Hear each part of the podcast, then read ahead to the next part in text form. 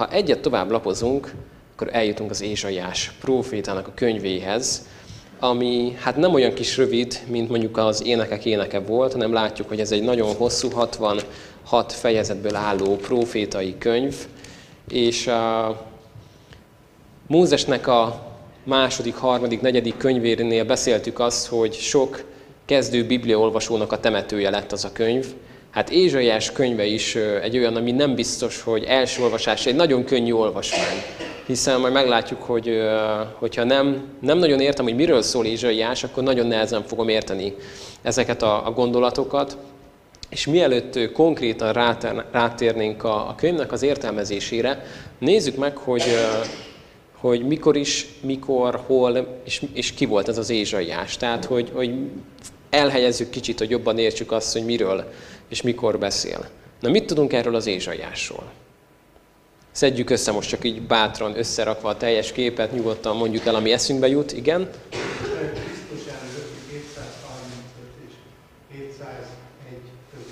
Uh-huh. Íródott ez a könyv. Ézsaiás profétáról talán nem tudunk a királyok könyvéből, hogy apja egy Ámóc nevű férfi volt, uh-huh. nős volt, gyermekei voltak, és, és azt tudjuk még az Ézsaiás könyvéről, hogy nem ő maga írta a teljes könyvet, vannak ilyen gondolatok, hogy az X39 részt ő írta, aztán a 40-45-öt ismeretlen és később, 200 évvel később íródott, és az 56-tól a 66. részeket egy harmadik szintén ismeretlen, hát feltetlen próféta volt, aki írták. És hát körülbelül ilyen, ilyen megosztásba szokták tanulmányozni is. Uh-huh. Tehát a 1-től 39-ig, a 45-től a 55-ig és 56-tól a 60 Mhm, igen, köszönjük szépen. Valóban ezek valós kérdések, hogy ki vagy kik írták, majd megnézzük a videó kapcsán is, hogy milyen magyarázatok vannak ennek a kérdésre, vagy milyen válaszok, de elhelyeztük akkor időbe Ézsaiást. Melyik országrészben élt? Hogyha nálunk vannak a profétákról készített listáink, akkor kicsit puskázhatunk belőle. Júda, ez nagyon fontos, tehát Júda területén élt végig, és és hogy tudunk elhelyezni? Ugye a profétáknál a, egy, egy vízválasztó vonal az mi volt? Az a fogság. Tehát mondtuk, hogy vannak ugye fogság előtt, fogság közben, fogság után, fogság előtt. Igen, ez nagyon fontos. Tehát maga Ézsaiás ugye jóval a fogság előtt élt, és ez fontos lesz majd, amikor látni fogjuk az 1-től 39-es fejezeteknek a proféciáit.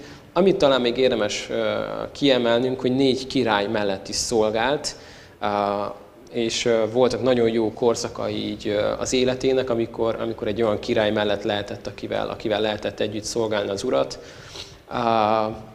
Egy időben volt Mikeással, talán még ezt megjegyezhetjük, de akkor most nézzük meg, nyissuk meg a Bibliánkat Ézsaiás könyvénél, és ismét ez a videónak a, a képanyaga fog minket egy kicsit segíteni abba, hogy, hogy lássuk azt és el tudjuk helyezni ezt a képet. Azt látjuk tehát, hogy Júda, kifejezetten ugye Jeruzsálem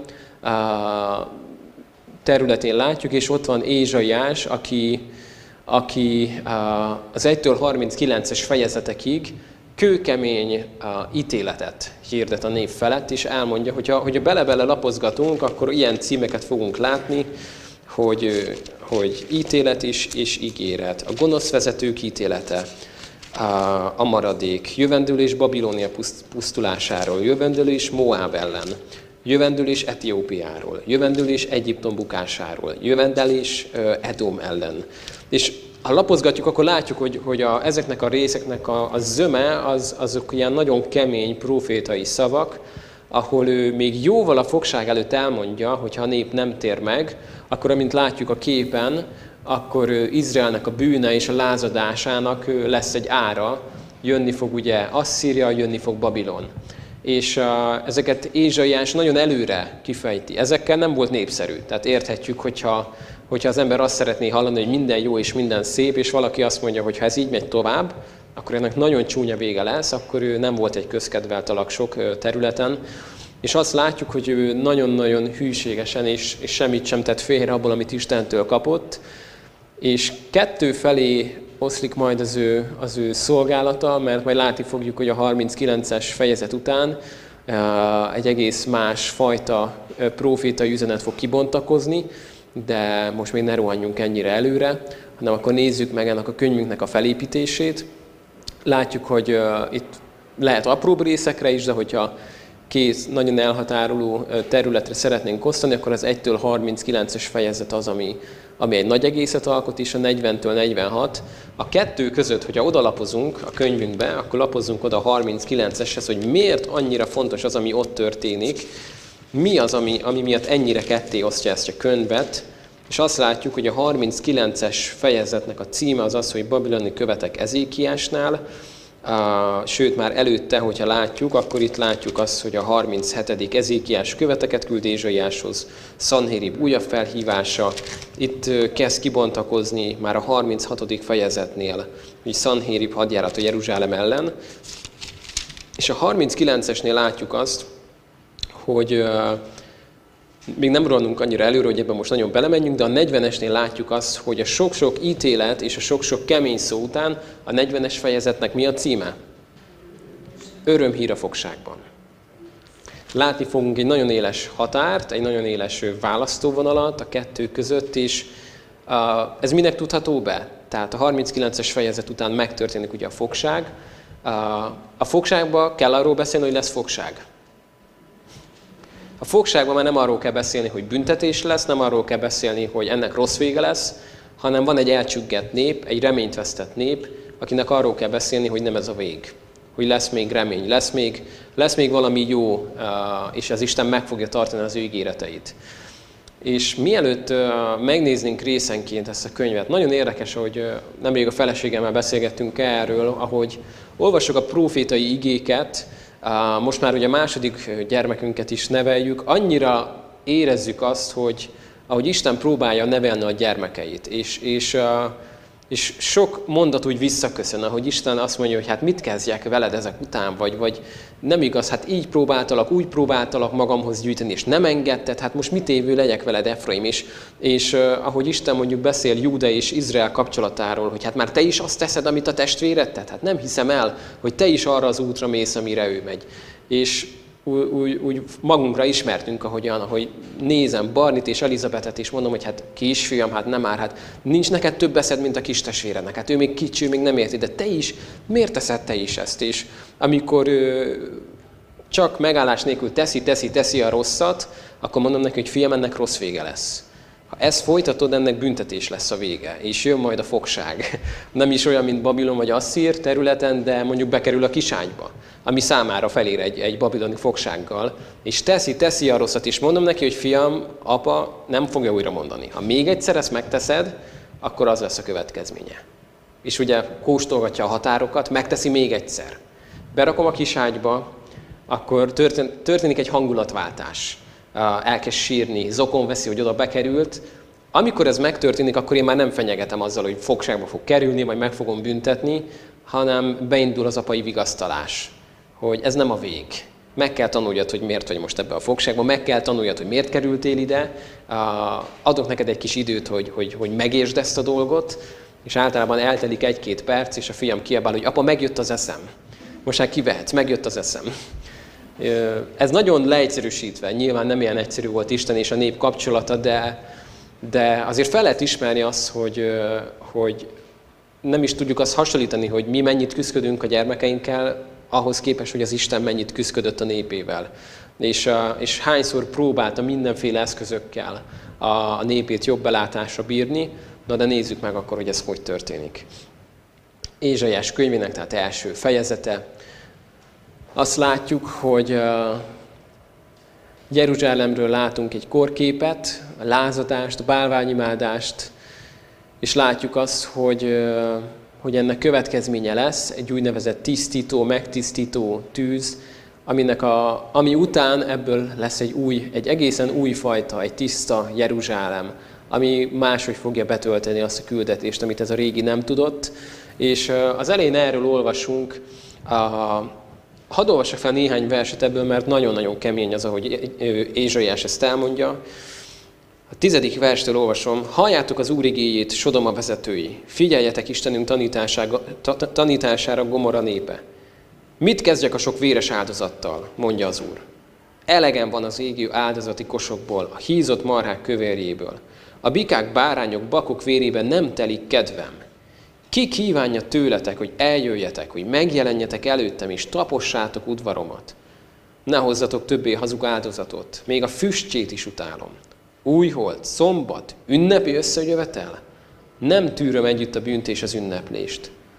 Újholdjaitokat és ünnepeiteket gyűlölöm én. Terhemre vannak, fáraszt elviselni. Ha felém nyújtjátok kezeteket, eltakarom szemem előletek.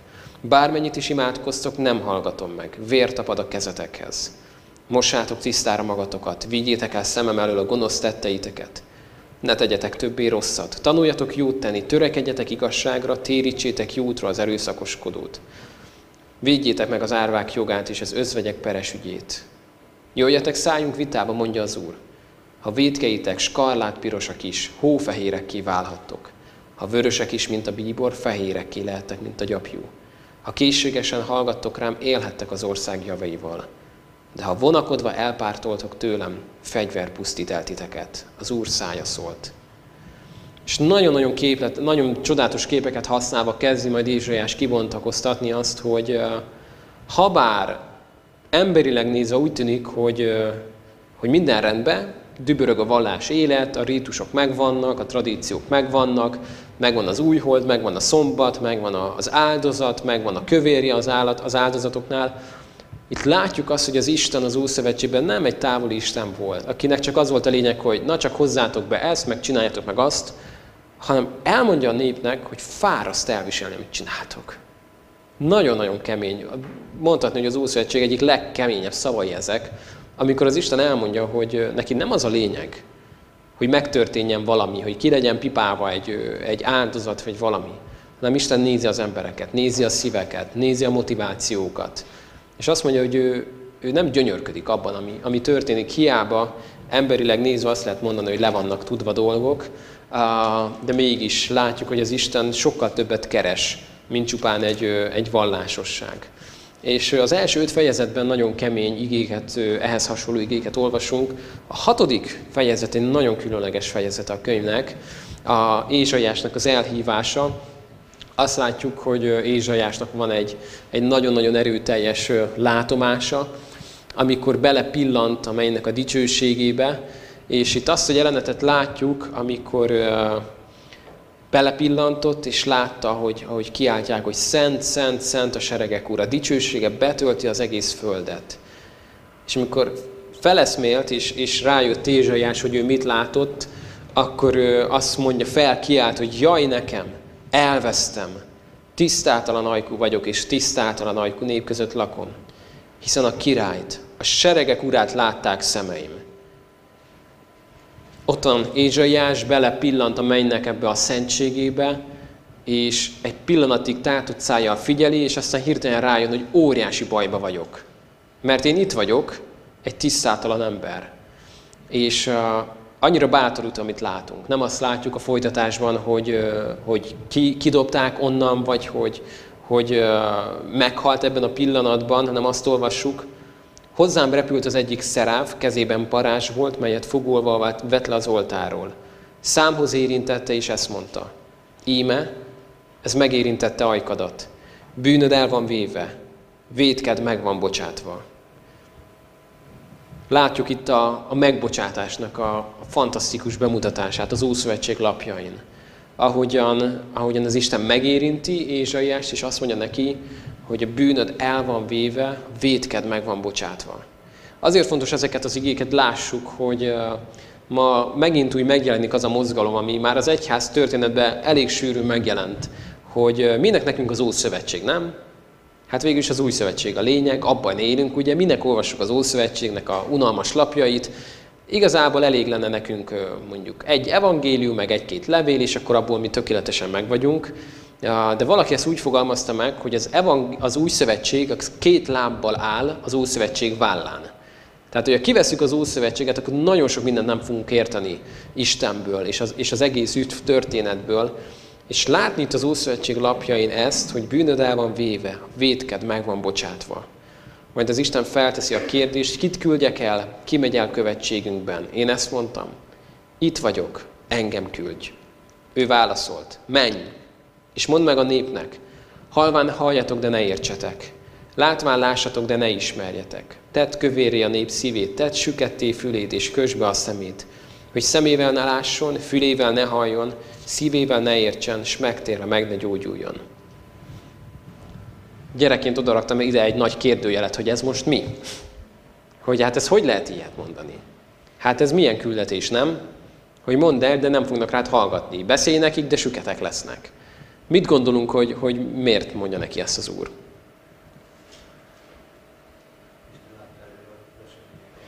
Hogy? Uh-huh. Isten látta előre az eseményeket. ez is lehet, hogy még egy figyelemfelhívás is van benne, hogy nem erre csak odafigyelek, hogy... Igen, ez is benne lehet egy figyelemfelhívás, hogy hát, ha legalább még erre valakinek fel, felkapja a fejét, a fülét. Hát valószínűleg az Úr Jézus is hasonló gondolatokkal jött, hogy vállalta el a atyától a küldetést, hogy őt se tudják. Igen. Tehát ő is tudta, tudta, hogy mi vár rá, és mi fog vele történni. És azt is látjuk, hogy uh, Isten nagyon-nagyon hosszasan beszél a néppel. Nagyon hosszasan, profétákon keresztül, mindenféle eszközön keresztül, de, de a nép ő nem, nem akart erre hallgatni, és fontos látnunk a teljes képet, hogy megvolt a szerepe a törvénynek, mit mond Pál a Galatáknál, mi volt a törvény? Krisztushoz való vezetőnk, pedagógusunk, egy, egy, egy Krisztushoz vezetőnk is. Hogyha nem lett volna törvény, mert mi adódik a törvényből? Mit mond Pál? A törvényből adódik a, a bűn felismerése. Ha nincs törvény, azt mondja Pál, hogyha nem mondja a törvény, hogy ne kívánt, akkor, hát akkor nincsen bűn, nem? Tehát, hogyha ha nem rakok ki az m 0 egy 30-as táblát, akkor senki se fog gyorshajtó büntetés kapni. Viszont ha kirakok egy 30-as táblát, onnantól kezdve, aki 31-jel megy, azt meg lehetne büntetni, nem? Megjelent a törvény, megjelent az Ószövetségben, és az embert szembesítette azzal, hogy van bűn, aminek van büntetése. De a törvényből csak a bűn felismerése adódik. A legjobb példa, amit erre mindig hallottam, az az, hogy amikor tükörben nézek, és látom azt, hogy elaludtam a hajam, látom azt, hogy kiesett egy fogam, látom azt, hogy nem tudom, a, rosszul borotválkoztam, és lenyírtam a szemöldökömet, nem tudom. Tehát, hogy látok nagyon nagy problémákat, a tükör ezek közül melyiket fogja megoldani? Egyiket se. Próbálhatom a tükörrel a szemöldökömet visszarakni, próbáltok fogat csinálni a tükörrel, próbáltam megfésülni a hajamat a tükörrel, képtelen lesz rá. A tükör arra való, hogy szembesítsen az állapotommal. Megmutatja nekem. És bizonyos értelemben a törvény megadta ezt a szembesítést, hogy az ember képtelen.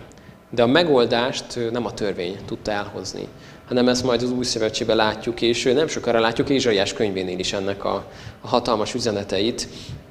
És a hatodik fejezet végén van egy olyan kulcsmondat, ami az egész könyvet végig fogja kísérni.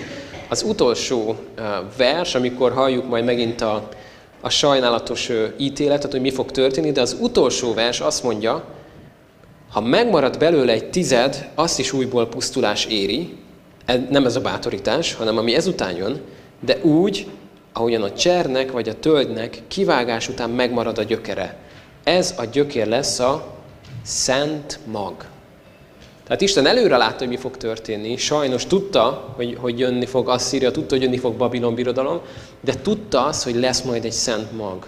Tudta azt, hogy az, a, az az ígéret, amit adott akár már a teremtésnél, ahogy emlékezünk vissza az egymózesre, vagy akár kezdte kibontakoztatni a vándorlás során, azt az ígéretét ő meg fogja tartani. És el fog jönni a messiás, és uralkodni fog, és helyreállít mindent, és megmarad egy szent mag. De nézzük tovább. Itt látjuk ugye a, a Ézsaiásnak a társát, hogy vége van, de azt mondja, hogy nem. Megtisztultál, és akkor menj el a követségünkben. És látjuk azt a, azt a süketséget és azt a vakságot a népnél, hogy hiába, hiába mondja Ézsaiás, nincs eredménye, de megmarad majd a kivágás után egy szent mag. Csak képzeljük el, hogy milyen lehetett így elindulni, és engedelmeskedni az Istennek, hogy tudom azt előre, hogy, ki, hogy hatalmas tömegek fognak hallgatni rám. Nem igazán. Tehát Ézsaiás tudta előre azt, hogy, hogy nem Jónáshoz fogható küldetése van. Abban az értelemben, hogy, hogy az Úr azért már jelentette ki neki, hogy nem az fog történni, mint Ninivénél, hogy kihirdeted az ítéletet, és egész város megtér, nem ezt fogod látni, hanem azt fogod látni, hogy ez a fa, ez ki lesz vágva. Viszont lesz majd egy szent mag, ami meg fog maradni. Tehát azért itt csak egy kicsit, hogy a zárójelben megjegyezzük azt, hogy Ézsaiás idézőjelben hadd mondjam, sikeres volt, amikor átadta az üzenetet, de nem tért meg a nemzet. Teljes mértékben sikeres volt. Hogyha használtam a sikeres szót Jónásra, aki átadta az üzenetet, és megtért a nemzet, semmivel se volt kevésbé sikeres, vagy engedelmes, vagy áldott Ézsaiásnak a szolgálata, és ez azért fontos, mert fontos látnunk, mert nagyon sokszor mi emberek szeretjük a szolgálatoknak, embereknek az értékét áldott voltát mi alapján megítélni? A számok alapján, nem az emberek alapján, hogy sokan követik, kevesen követik, sokan tértek meg, kevesen tértek meg, sok eredmény van, kevés eredmény van, és most nem az eredménytelenséget szeretném uh, idealizálni, hogy az milyen jó, hanem azt, hogy hogy Isten szempontjából azért nem minden úgy néz ki, mint nekünk. Tehát attól, hogy, hogy hirtelen megtelik egy hely emberekkel, az Isten tudja azt, hogy kitartozik hozzá, és adja, hogy az a sok ezer ember mind tényleg megtért legyen, de a mi engedelmességünk az nem attól függ, hogy sokan tértek meg, vagy kevesen, olyan korszakban élek, mikor a név füle nyitva van is, és egy kegyelmi korszak, vagy az emberek bezárnak és üldöznek az üzenetért. Tehát ez fontos látnunk, hogy a, az identitásom, mint Isten szolgálja, az ne abból fakadjon, a visszajelzésekből, hogy, hogy szeretnek az emberek, nem szeretnek, sokan hallgatnak, kevesen, uh, stb. stb. Tehát, hogy az identitásunk az azon múljon, hogy amit az Isten kért tőlem, azt én átadtam azt az üzenetet, azzal a szeretettel, azzal a, a tisztasággal, hogy tőlem kérte. Na menjünk tovább, és a, a hetedik fejezetnél itt megint kibontakozik egy, egy érdekes dolog, meglátjuk, a, hogy a hetedik fejezethez lapozunk, a, a szír Efraimi háborúkról is itt olvasunk, azt mondja itt a harmadik vers, vagy a másodiktól hadd olvassam, amikor hírül vitték Dávid házának, hogy összefogott Arám Efraimmal, reszketni kezdett a szíve és népének a szíve, ahogyan az erdő fái reszketnek a szélben. Akkor így szólt az úr Ézsaiáshoz.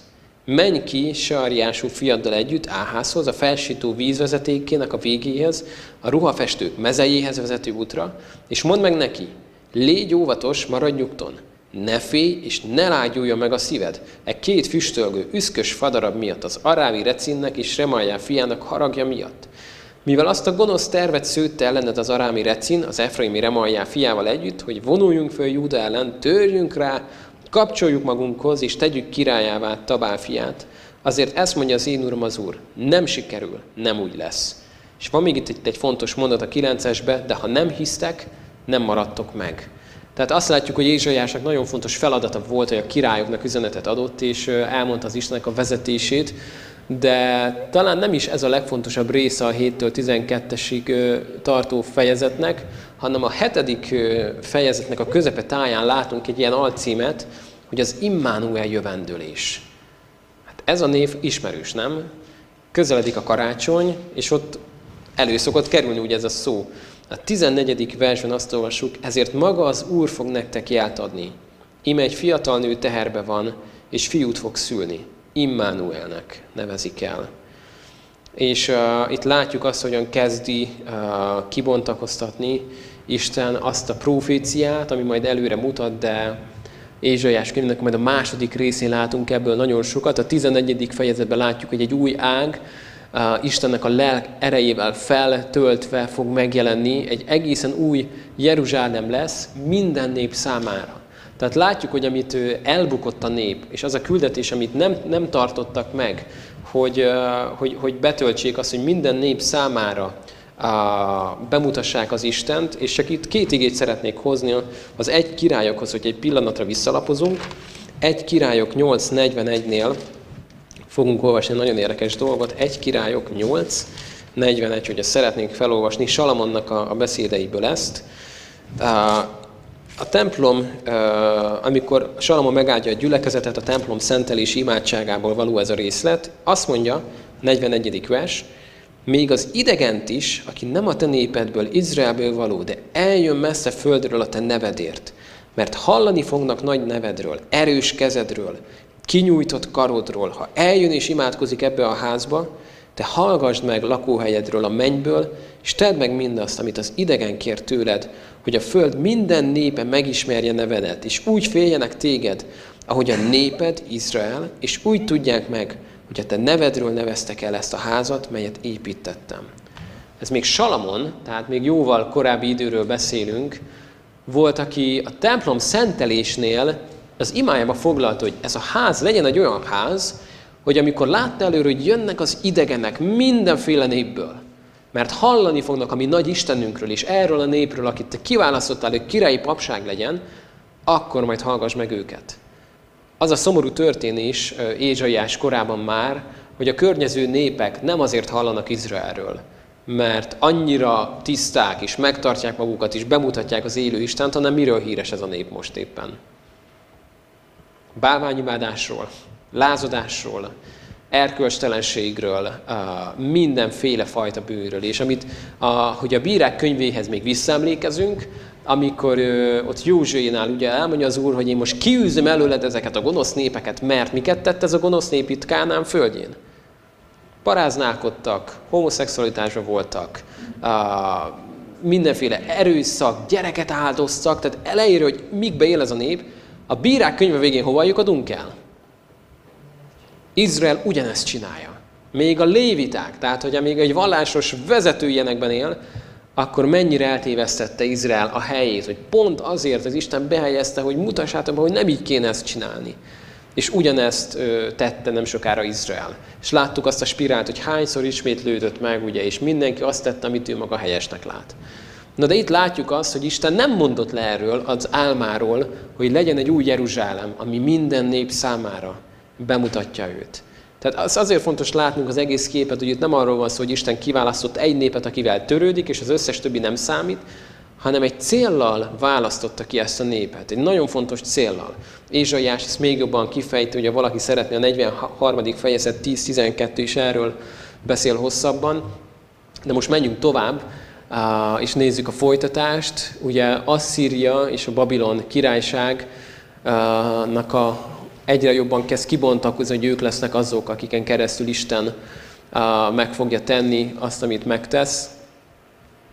És mit látunk itt? A 13 és a 23-as fejezethez fogunk mindjárt lapozni, csak megvárjuk, hogy betöltse egy kicsit itt ezeket a részeket.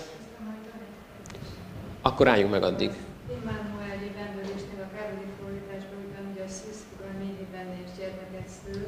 és a Máté pedig visszautal Igen. erre, hogy amikor Mária fogant, hogy most ez a ekkor telesedett be Izsaiás profétjája. Hmm. Itt pedig az, hogy egy fiatal nő teherben van és gyermeket szül, ezt bárkivel Igen. közül. Igen, itt az az érdekes, hogy a profitai könyveket olvasunk, hogy nagyon sokszor észreveszünk azt, hogy vagy hadd kezdem egy másik oldalról. Volt már úgy, hogy olvastuk mondjuk akár Ézsaiás könyvét, és az az adott élethelyzetünkre konkrét válaszokat adott Isten, vagy azon keresztül szólt hozzánk? Nekem nagyon sokszor volt. Ézsaiás könyve kifejezetten ilyen, nagyon sok ilyen lábjegyzetem van, hogy... Igen?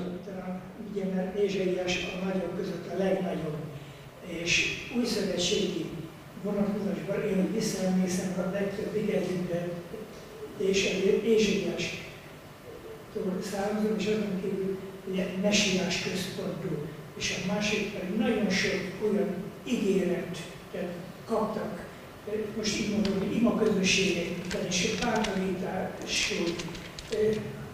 Tehát azok az ígéretek, Istenről, ugyanúgy működnek és érvényesek, akik odafigyelnek, uh-huh. szereletet kapnak az adott nehéz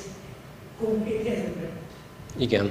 Tehát ami most itt el is hangzott, azt szerettem volna kicsit kiemelni, hogy amikor még volt a bibliaiskola, nem tudom ki az, aki még emlékszik jó néhány évvel ezelőtt, akkor foglalkoztunk azzal, hogy amikor olvasom mondjuk az Ézsajásnak az igéit, akkor ezeknek az igéknek ugye van egy alapjelentése. Tehát amikor ezt Ézsajás leírta, ezt elmondta a népnek, akkor ez az elsődleges, legfontosabb alapjelentése, ugye. És látjuk azt, amikor én is most csak így végiglapoztam, nagyon sok helyen láttam azt, hogy Isten konkrétan megszólított a sokszor út keresésben, akár az Ézsajás könyvén keresztül, Hiába az volt a címe mondjuk az egyik résznek, hogy Ezékiás gyógyulása és hálaéneke, ez a rész elsősorban arról szól, hogy Ezékiás meggyógyult és hálaéneket adott az Úrnak, de nekem egy konkrét pillanatban, egy bizonyos napon e, ezekből az igékből nagyon konkrét vezetést adott az Isten. Tehát lett egy másodlagos jelentése nekem akkor annak az igének, és ami, ami kérés pedig Márti feltett, ez egy nagyon jó téma. Itt azt olvassuk a 14. versben az Immanuel jövendülésnél, hogy ezért maga az Úr fog nektek jeltadni, íme egy fiatal nő teherben van, fiút fog szülni, és Immanuelnek nevezik el. Tejszint és mézet fog az enni, míg meg tudja vetni a rosszat, és jót tudja választani.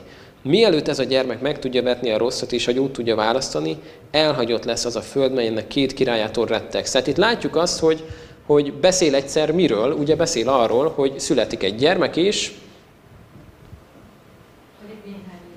alig néhány éven belül, mire ez a gyermek meg tudná ezt és amazt különböztetni, meg fog történni az, amiről, amiről Ézsaiás beszél. De viszont az új szövetségben, és hogyha belegondolunk, hogy ki ihlette az új szövetséget, Isten. Istennek a lelke és a szelleme, ő vezette mondjuk az új szövetség íróit, hogy ezt az igét tökéletesen értették, hogy ez vonatkozik akkor most Jézusra, akiben eljött az Immanuel, vagyis velünk az Isten.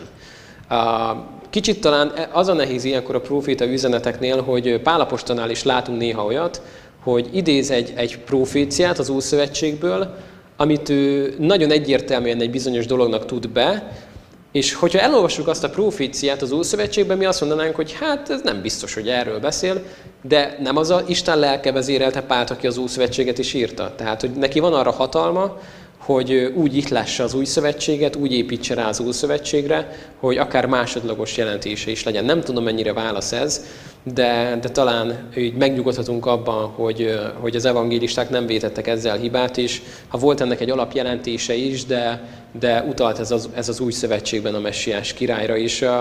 Talán Dávidnak néhány Zsoltára nagyon jó példa erre, hogy amit ő átélt az életében, és próbált kifejezni akár szimbólumokkal, az Jézus van, hogy szó szerint élt át. Gondoljunk akár ugye a 22-es Zsoltára, amikor Dávid lehet, hogy életének nehéz pillanataira gondolt, tegyük fel, vagy nem tudjuk, hogy teljesen maga előtt látta a messiás, de hogy leírta mondjuk, hogy kezét, lábát átszögezték, ez tudjuk, hogy Dáviddal szó szerint megtörtént?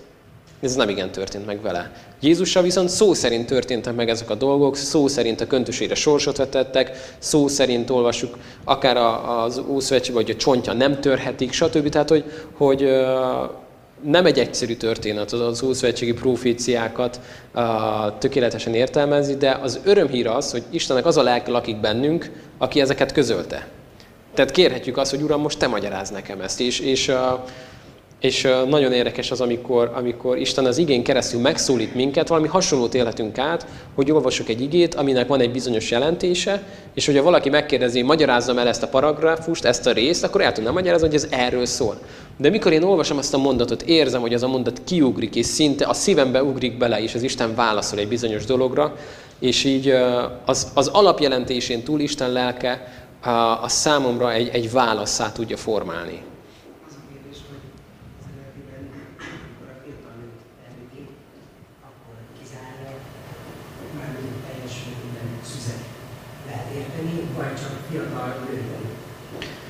Ez egy nagyon jó kérdés. Én most ezt konkrétan nem néztem meg, hogy itt az az sejtésem, hogyha nagyon egyértelműen a szűz szót használta volna, akkor gondolom, hogy szűznek fordította volna az iget, gondolom én, de, de hogyha esetleg... Igen, tehát, hogy nem tudom, hogy valaki megnézte ezt, Kristóf. Nem néztem meg, de én most értettem, hogy én beszéltem hogy ez tényleg hogy, hogy másról is beszél, tehát ez volt a népnek a helyzetéről, hogy időn belül fog ez történni, és van többlet ellen. Hm.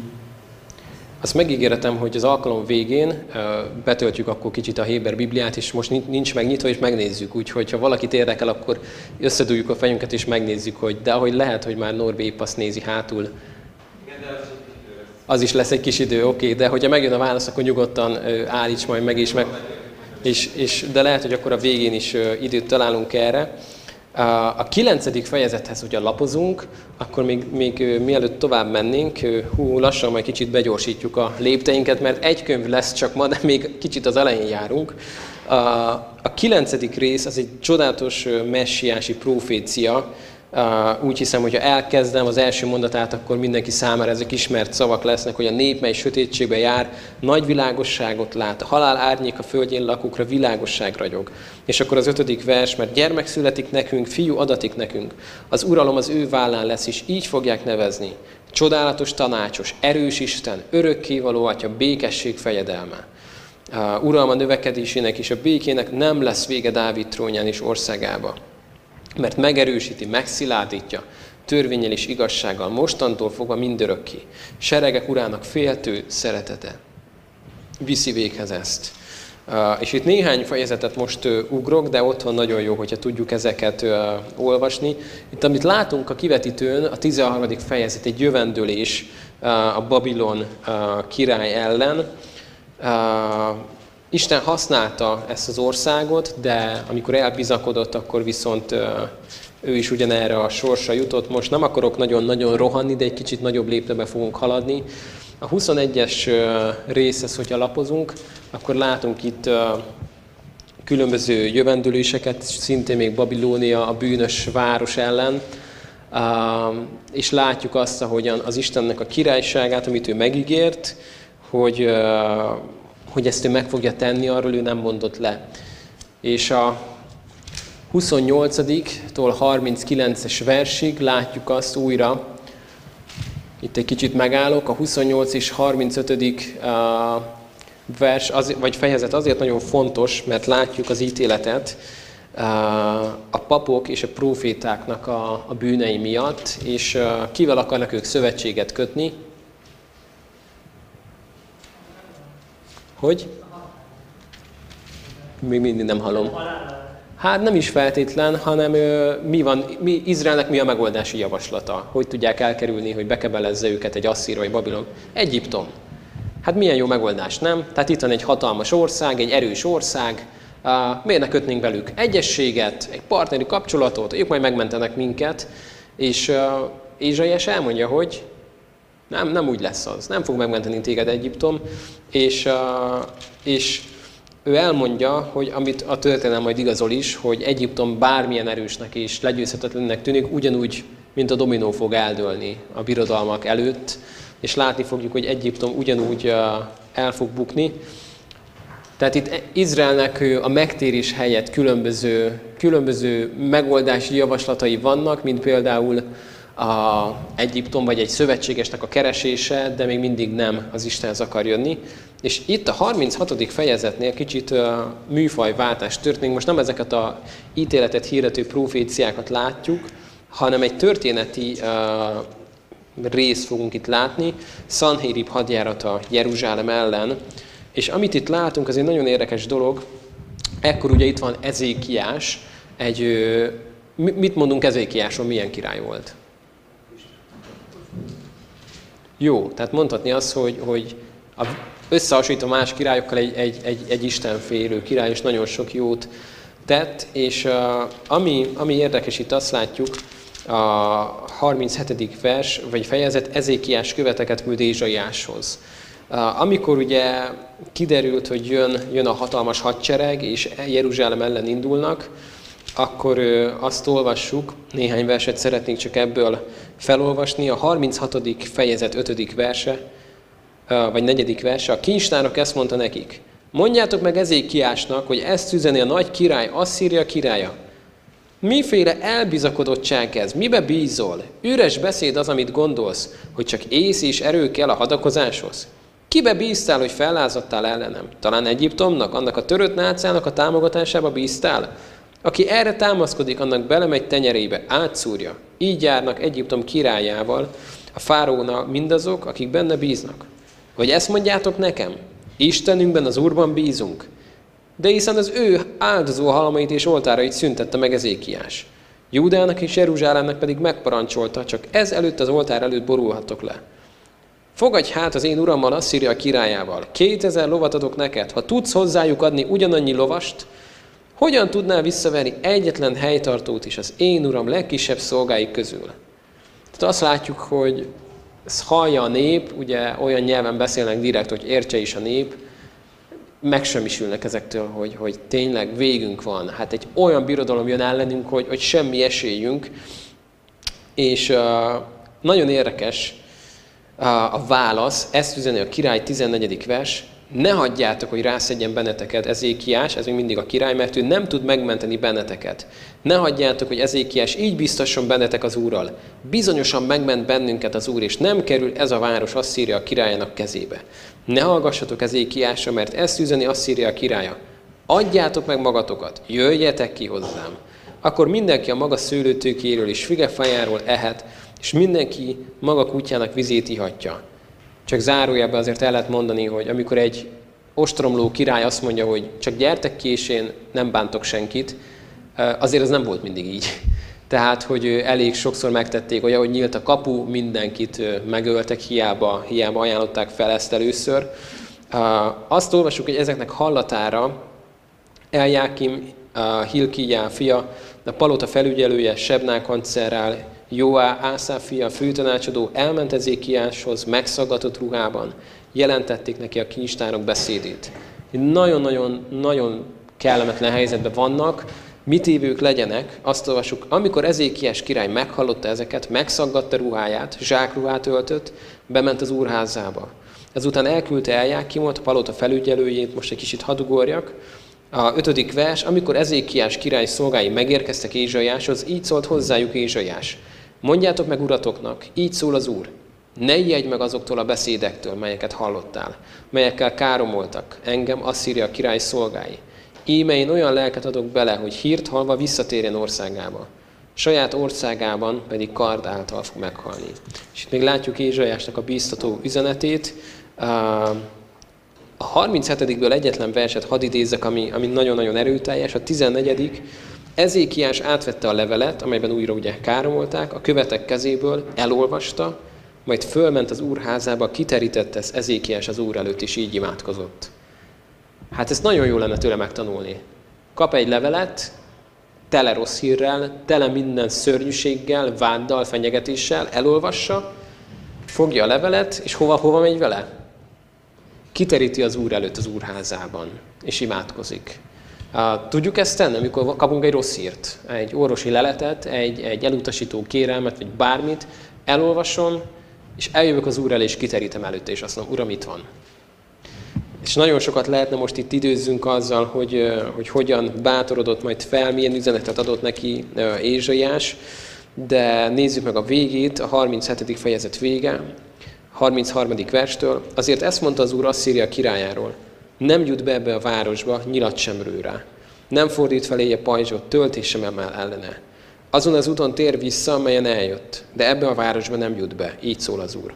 Pajzsa leszek ennek a városnak, megszabadítom önmagamért, meg szolgámért Dávidért. És itt jön az, ami délelőtt elmaradt. Délelőtt ugye Jézus nagyon egyszerű hétköznapi dolgokat használt, nyál, föld, sár, Hát itt az az extravagáns megoldás történik, amit, amit talán várunk néha. Akkor eljött az úrangyala, levágott Asszír táborban 185 ezer embert. Na hát ez elég természetfeletti, nem? Nem, egyszerűen, egyszerűen az Isten cselekedett. Tehát, hogy erre nem lehet mit mondani. Eljött az úrangyala, 185 ezer katonát megölt.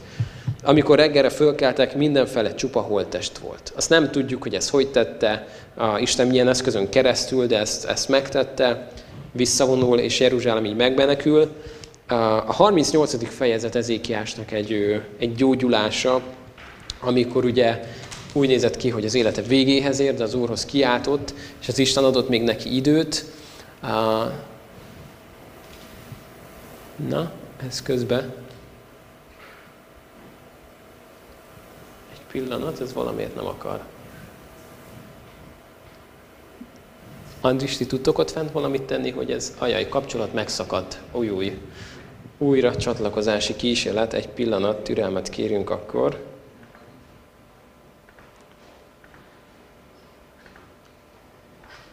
Ajajaj.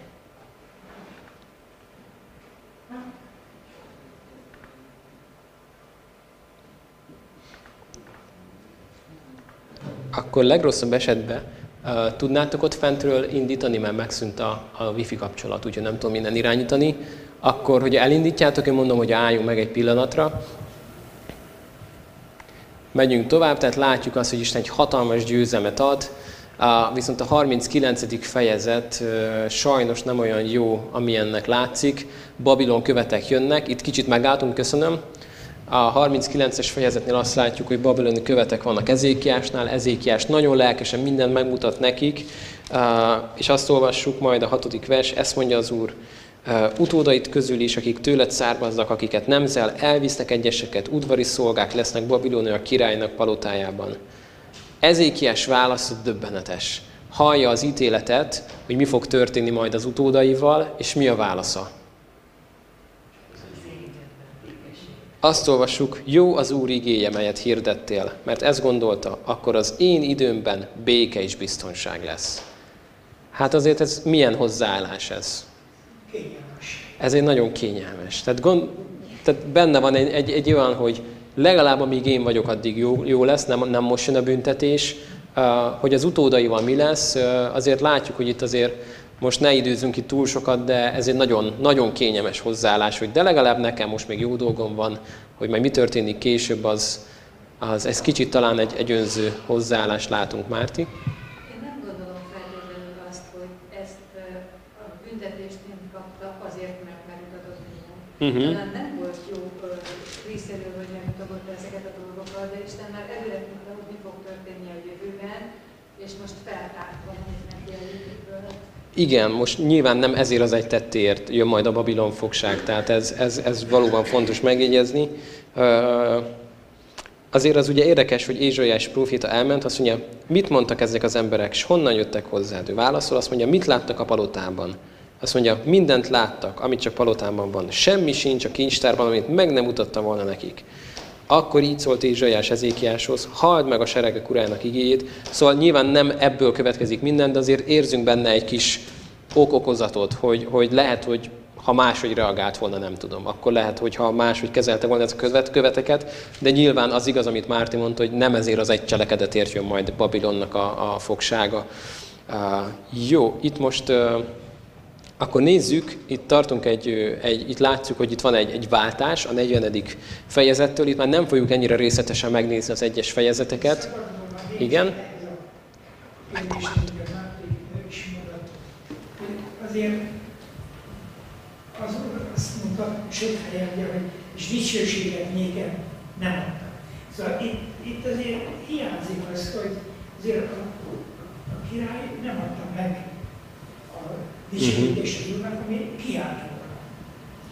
És hogyha belegondolunk, hogy uh, Isten miért vetette el majd mondjuk az asszír birodalmat, uh, hát pont az egyik ok, az egyik kiváltó ok az volt, hogy kinek adta a dicsőséget minden népnek a leigázásáért, csak saját magának. És nagyon konkrétan mondja Ézsiásnál, hogy dicsekedhet-e a fejsze azzal szemben, aki, aki vág vele. Tehát, hogy az egy darab fejsz, amit az Isten felemelt, és gondoljunk akár, sok példát hozhatnánk akár Dániel könyvéből, ugye, amikor az uralkodó felfuvalkodott, kinézett, és mit mondott a Babilonról, hogy íme ez az én művem, Babilon, mi lett vele utána? Állati sorsra került, és, és úgy élt, mint egy állat, míg nem, meg nem jött az értelme, és nem adta a dicsőséget Istennek. Tehát azt látjuk, hogy ez egy nagyon-nagyon kényes terület, hogy, hogy kinek adjuk a dicsőséget és amikor, amikor valami nagy dolog történik akár egy gyülekezet életébe, hirtelen mondjuk tegyük fel, nagyon sokan megtérnek, és eljön valaki, és azt kérdezi, hogy hát ez hogy történhetett? Akkor nagyon érdekes, hogy mit válaszolunk, hogy elkezdjük sorolni, hogy hát ilyen módszereket alkalmaztunk, ezt csináltuk, azt csináltuk, vagy azt mondjuk, hogy ez az Isten volt. Ez, ez az ő munkája. Ez az ő kegyelme az, ami, amit megengedett nekünk. Nyilván próbáltuk oda tenni, köszönöm szépen, a mi részünket, de, de az Isten az, aki cselekszik. És itt látni, látjuk ennek a, a résznek a végét. megtörténik majd az, ami megtörténik, Babilon fogság, erről már azért elég sokat beszéltünk, úgyhogy most ezt, ezt kicsit ugornánk, és átlépünk akkor a 40. résztől a 66-os részig terjedő szakaszra, ami, ami megint nagyon-nagyon érdekes lesz, kicsit más, egész más dolgokat fogunk látni benne. Itt már nem annyira a, a rémisztő a ítéletet, ítélethirdetést, hanem ahogy láttuk, az első részében a könyvnek elhangzott nagyon sok ítélet és profécia arról, hogy mi fog történni, és ahogy az elején mondtam, amikor ez már megtörténik, onnan kezdve már, már nem arra van szükség, hogy ezt újra és újra elmondják, hogy ez meg ez fog történni, mert benne él a nép. Egy elkeseredett nép, népet látunk a fogságban, akik azon gondolkodnak, hogy, hogy vajon tényleg mindent elrontottunk, és, és mindennek vége, vagy, vagy lesz-e ebből még bármikor bármi jó. Egy pillanat, türelmet kérek, csak ez mindig egy picit lejjebb ment. A 40. fejezet első verse érezzük, hogy egy egész más váltás. Vigasztaljátok, vigasztaljátok népemet, mondja Istenetek. Szóljatok Jeruzsálem szívéhez, és hirdessétek neki, hogy letelt rabsága megbűnhődött bűnéért, hiszen kétszeresen sújtotta az Úr keze minden védkéért. Tehát itt azt látjuk, hogy, vagy a 11. vers, mint pásztor úgy legelteti nyáját, karjára gyűjti bárányokat, ölébe veszi őket, az anyajókat szeliden terelgeti. Itt látjuk Istennek azt az atyai szívét, ahogy megszakad a szíve ezért a népért. És eddig nagyon keményen beszélt velük, de amikor a fogságba kerültek és letelt annak ideje, akkor az Isten nagyon-nagyon elkezdte vigasztalni a népét.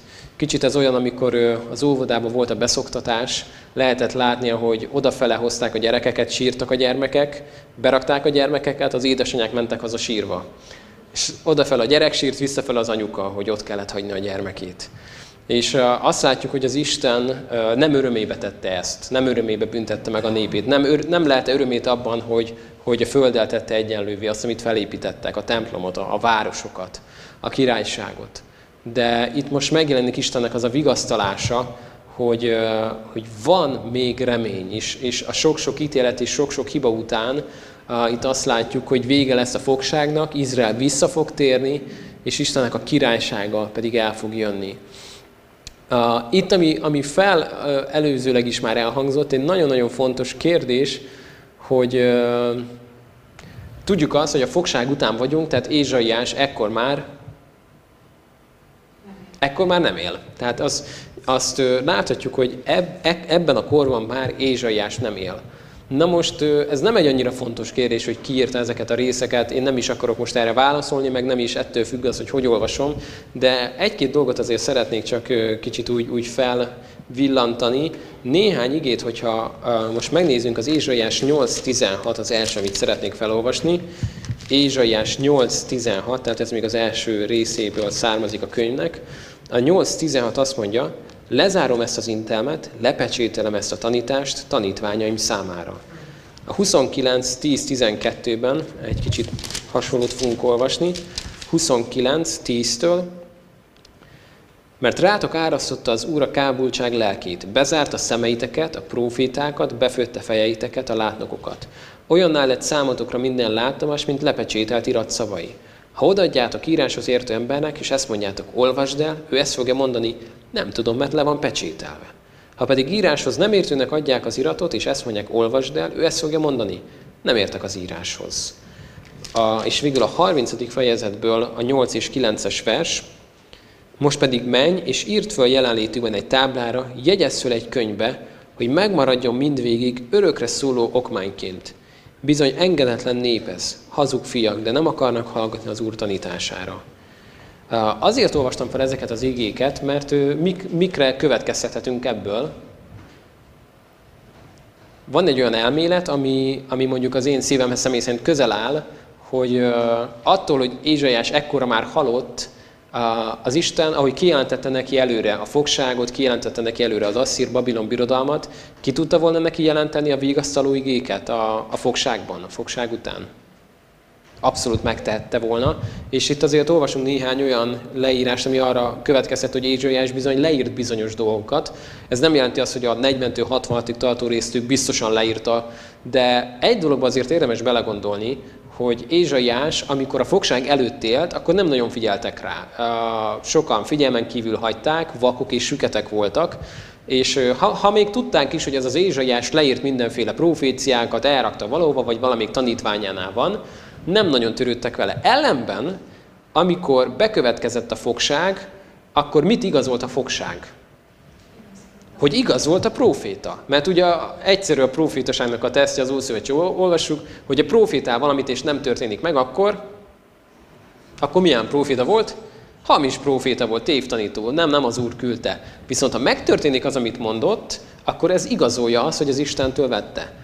A, amin én végig gondoltam, az az, hogy fogságba került a nép, minden úgy történt, ahogy a Nézsaiás megmondta. Én lehet, hogy elkezdtem volna azon gondolkodni, hogy ez nagyon valószerűtlen, vagy, vagy nem gondoltuk, hogy ez így fog történni, de minden úgy történt, ahogyan az az Ézsaiás mondta nekünk. Maradtak neki fent írásai? Nem kéne elolvasni őket? Mert hogyha ez igaz, amit ő leírt, és minden megtörtént, akkor mi van, ha még többet is megtudhatunk, hogy mi fog történni? Úgyhogy ö, nyilván nem ma este fogjuk eldönteni, és nem is annyira dolgunk nekünk, hogy most ezeket eldöntjük, hogy ki meg hogy írta, mert nem ez a lényeg. De ezt csak azért akartam egy kicsit úgy megbolygatni, hogy elképzelhetőnek tarthatjuk azt is, hogy Ézsaiás kapta ezeket a, a teljes kinyilatkoztatást az Istentől, amit ő később a tanítványai megtaláltak, felolvastak, és uh, nyilván a fogságban levő nép, amikor látta, hogy minden igaz, amit nehi, hogy Ézsaiás előre megmondott, már lehet, hogy egész más szívvel kezdték forgatni ezeket a, ezeket a profétai írásokat. Ez nyilván uh, sok minden itt, ezek most kicsit ugorjuk is, hogy hányféle verzió van arra, hogy, hogy ez, ez hogy és miként történt. Itt látunk még néhány igével ezt kiegészítve, ahogy ő esetleg átadhatta a tanítványainak, akik később ezt ugye a fogság után uh, olvasták, és a és a fejükhöz csapattak, hogy ez mennyire igaz, mert minden úgy történt, és azt éljük át, amiről, amiről korábban szólt. Na de itt az utolsó részeiben Ézsaiás könyvénél egy nagyon-nagyon fontos dolgot látunk, hogy ott van a nép, hatalmas nagy nehézségeben és fogságban, és számukra az, hogy Izrael az most elveszett. A remény elveszett, hogy valaha újra visszanyerik a területüket, hogy Jeruzsálem újra az ő területük lesz, hogy Isten.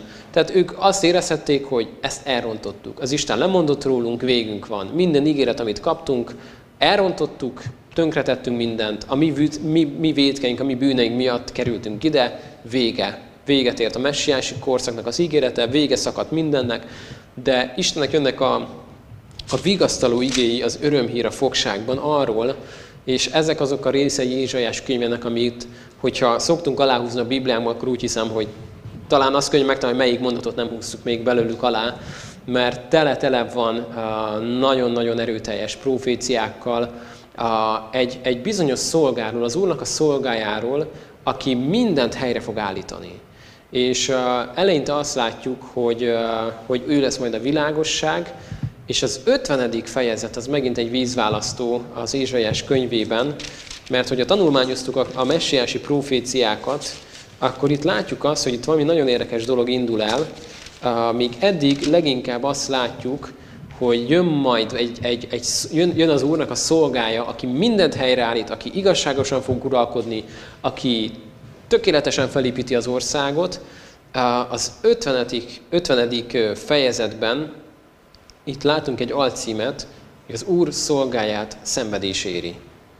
És hogyha tovább megyünk, akkor azt látjuk, és hát nyilván van egy, van egy, egy fejezet az 53-as, ami ugye talán azt kellene mondjunk, hogy melyik talán számunkra a legfontosabb fejezet Ézsaiás könyvéből, akkor lehet, hogy sokan az 53-as mondtuk volna, a félreismert szolga diadalma. Itt az 52-es végétől hadd olvassam, eredményes lesz szolgámunkája, magasra emelkedik, igen hatalmaslan. Sokan csak iszonyodnak tőle, annyira torz, nem emberi volt külseje, emberhez nem méltó volt alakja. De bámulatba egy majd sok népet, királyok is befogják előtte szájukat, mert olyan dolgot látnak, miről senki sem beszélt nekik. Olyan dolgot tudnak meg, miről addig nem hallottak. És most jön az 53-as fejezet. Ki hitte volna el, amit hallottunk? Ki előtt volt nyilvánvaló az Úr hatalma? Mint veszőszállt sarjat ki előttünk, mint gyökér a szikkat földből. Nem volt neki szép alakja, amiben gyönyörködtettünk volna sem olyan külsejemért kedvelhettük volna. Megvetett volt, emberektől elhagyatott, fájdalmak férfia, betegség ismerője. Eltakartuk arcunkat előle, megvetett volt, nem törődtünk vele.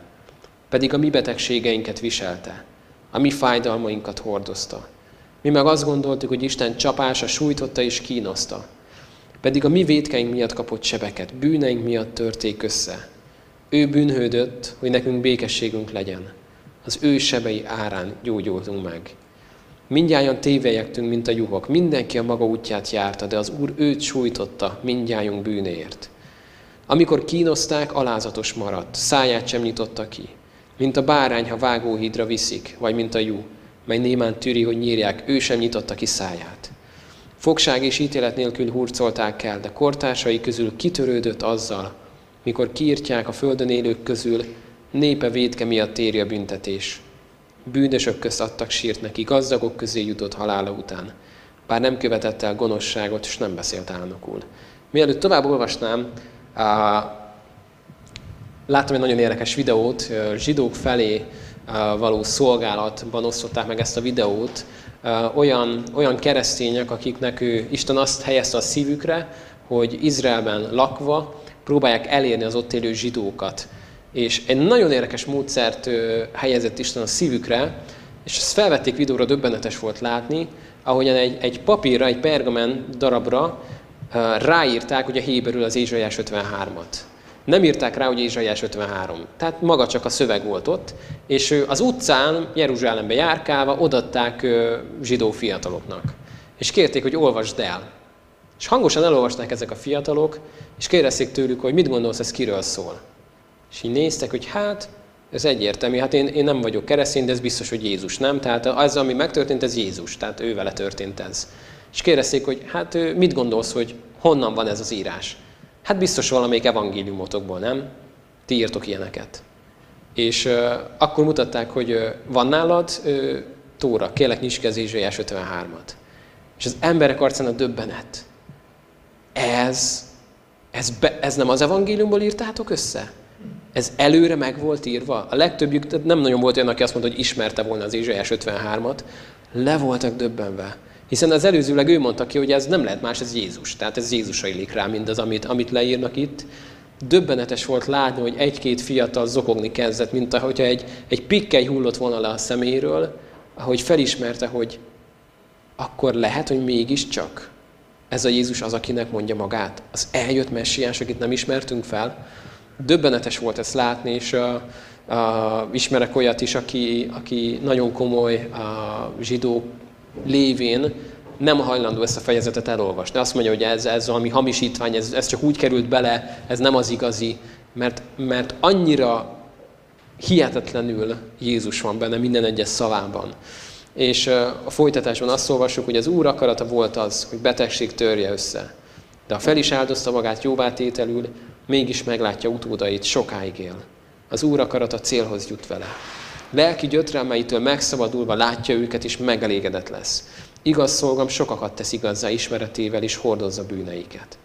Döbbenetes. Tehát még, még nincs vége ennek a résznek, de, de én majd előkeresem ezt a videót, hogyha valakit érdekel. Fantasztikus volt látni, ahogy, ahogy az ige megnyitotta azt a leplet, ami ott volt ezeknek a fiataloknak a szemén. És nem látták a messiást, ha megkérdezték volna, hogy mit gondolsz Jézus a messiás, de hogy is ez az egész ki lett találva, de olvasva az Ézsaiásnak a proféciáját, ők maguk mondták ki, hogy ez csak Jézus lehet, ez senki más. Ez, ez, amit elolvastál, ez történt Jézussal.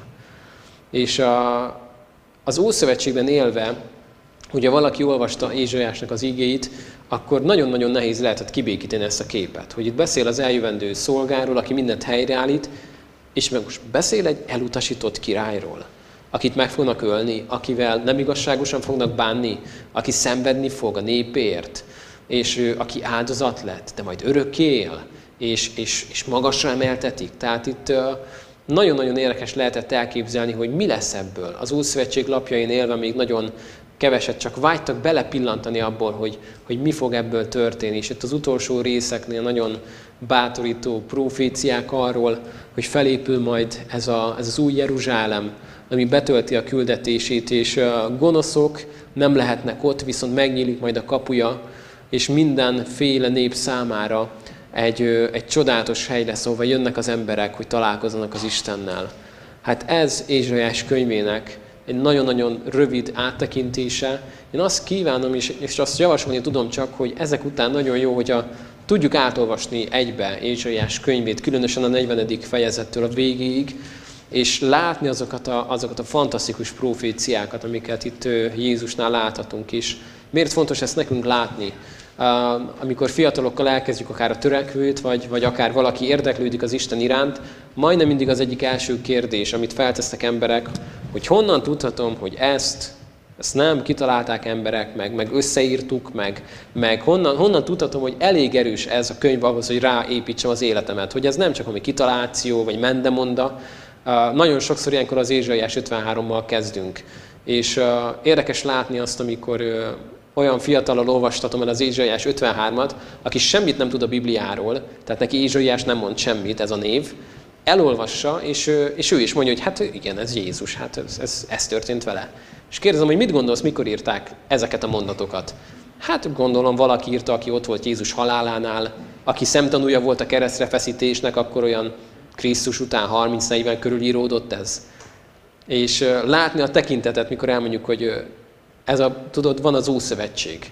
Az azt jelenti, hogy jó van Jézus előtt. És amikor megnézzük, hogy mikor élt ez az Ézsaiás, akkor ledöbbennek, hogy hát ezt nem lehetett így előre megírni. Ez lehetetlen. Hát ezt nem lehet ilyen pontosan minden egyes részletét ennyire megírni, ezt emberek nem tudják, mondom, ez a lényeg. Ez nem ember. És, és ez Istennek az igényének nagyon erős uh, támpontjai és biztos alapjai, hogy a proféciákat megnézzük, hogy hogyan Isten kényesen figyelt arra, hogy az összes profécia, messiási proféciák hogy teljesedtek be az új szövetségben, és jó ez először magunknak is megerősödni abban, hogy az Isten igé az élő és ható, és semmit nem enged abból földre hullani. És jó az, hogyha mások felé is tudjuk ezt használni, hogy, hogy nem mi mondjuk meg, hogy csak hidd el, mert ez a lényeg, hinned kell, hogy a Biblia igaz, hanem hogy hagyjuk, hogy az emberek maguk fedezzék fel ennek a kincseit, hogy ezt ember nem tudja összerakni. Ezt így nem tudta volna senki leírni. És tetszett ez a megfogalmazás, hogy ki írhatta ezt? Hát ez csak egy szemtanú írhatta, aki ott állt a kereszt mellett. De az Isten meg tudta ezt adni, hogy az Ószövetség lapjairól ennyire életszerűen, ennyire csodálatosan írta le. És ez csak egy kis drága kincs az 53-as fejezet, sok ilyen van még Ézsaiás könyvébe. Én szeretném, ha tudnánk most elcsendesedni, az időnk pont most jár le, és hálát adni azért, hogy amit látunk Izrael népénél, hogy az Isten próbált őket nevelni, próbált őket terelgetni, és ha bár bekerültek a büntetésbe, és mindent elrontottak, de az Isten azonnal vigasztalta őket, és elmondta, hogy amit ő megígért, azt ő meg fogja tenni. És fel fogja építeni az új Jeruzsálemet, egy olyan, egy olyan lelki szellemi központot, amit ő megígért, el fog jönni a messiás, helyreállít majd mindent, és szenvedni fog, ez mi már, ez számunkra történelem, visszatekintünk erre. De vannak olyan részei Ézsaiás könyvének, amik még előre mutatnak.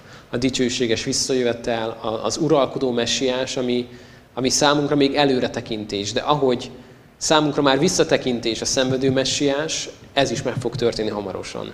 Ugye azt kívánom, hogy erősödjön meg ebben a mi, a mi hitünk, hogy az Isten megtartja az ő ígéreteit, és ahogy kényesen figyelt minden egyes mondatra az 53-as fejezetben, úgy az összes többire ugyanígy figyel mindarra, amit még a mi jövőnkre vonatkozik, akár csak a csütörtöki jelenések sorozatra gondolok, ezek meg fognak történni. És talán érezzük a csontjainkba, hogy egyre közelebb vagyunk, nagyon közel vagyunk már ehhez. És szeretném, ha tudnánk most imádkozni, és egyrészt hálát adni azért, hogy ezt így olvashatjuk, hogy a, hogy a Bibliánkban itt lehet, és hálát adni az Istennek azért, hogy, hogy ennyire figyel arra, hogy megtartja az ő ígéreteit, és hogy, hogy egyszerűen nem mondott le rólunk. Még ezek után sem, amit, amit itt Ézsaiás könyve végigvisz, nem mondott le rólunk, és nem, nem fáradt bele az emberbe. Imádkozzunk így egymás után hangosan.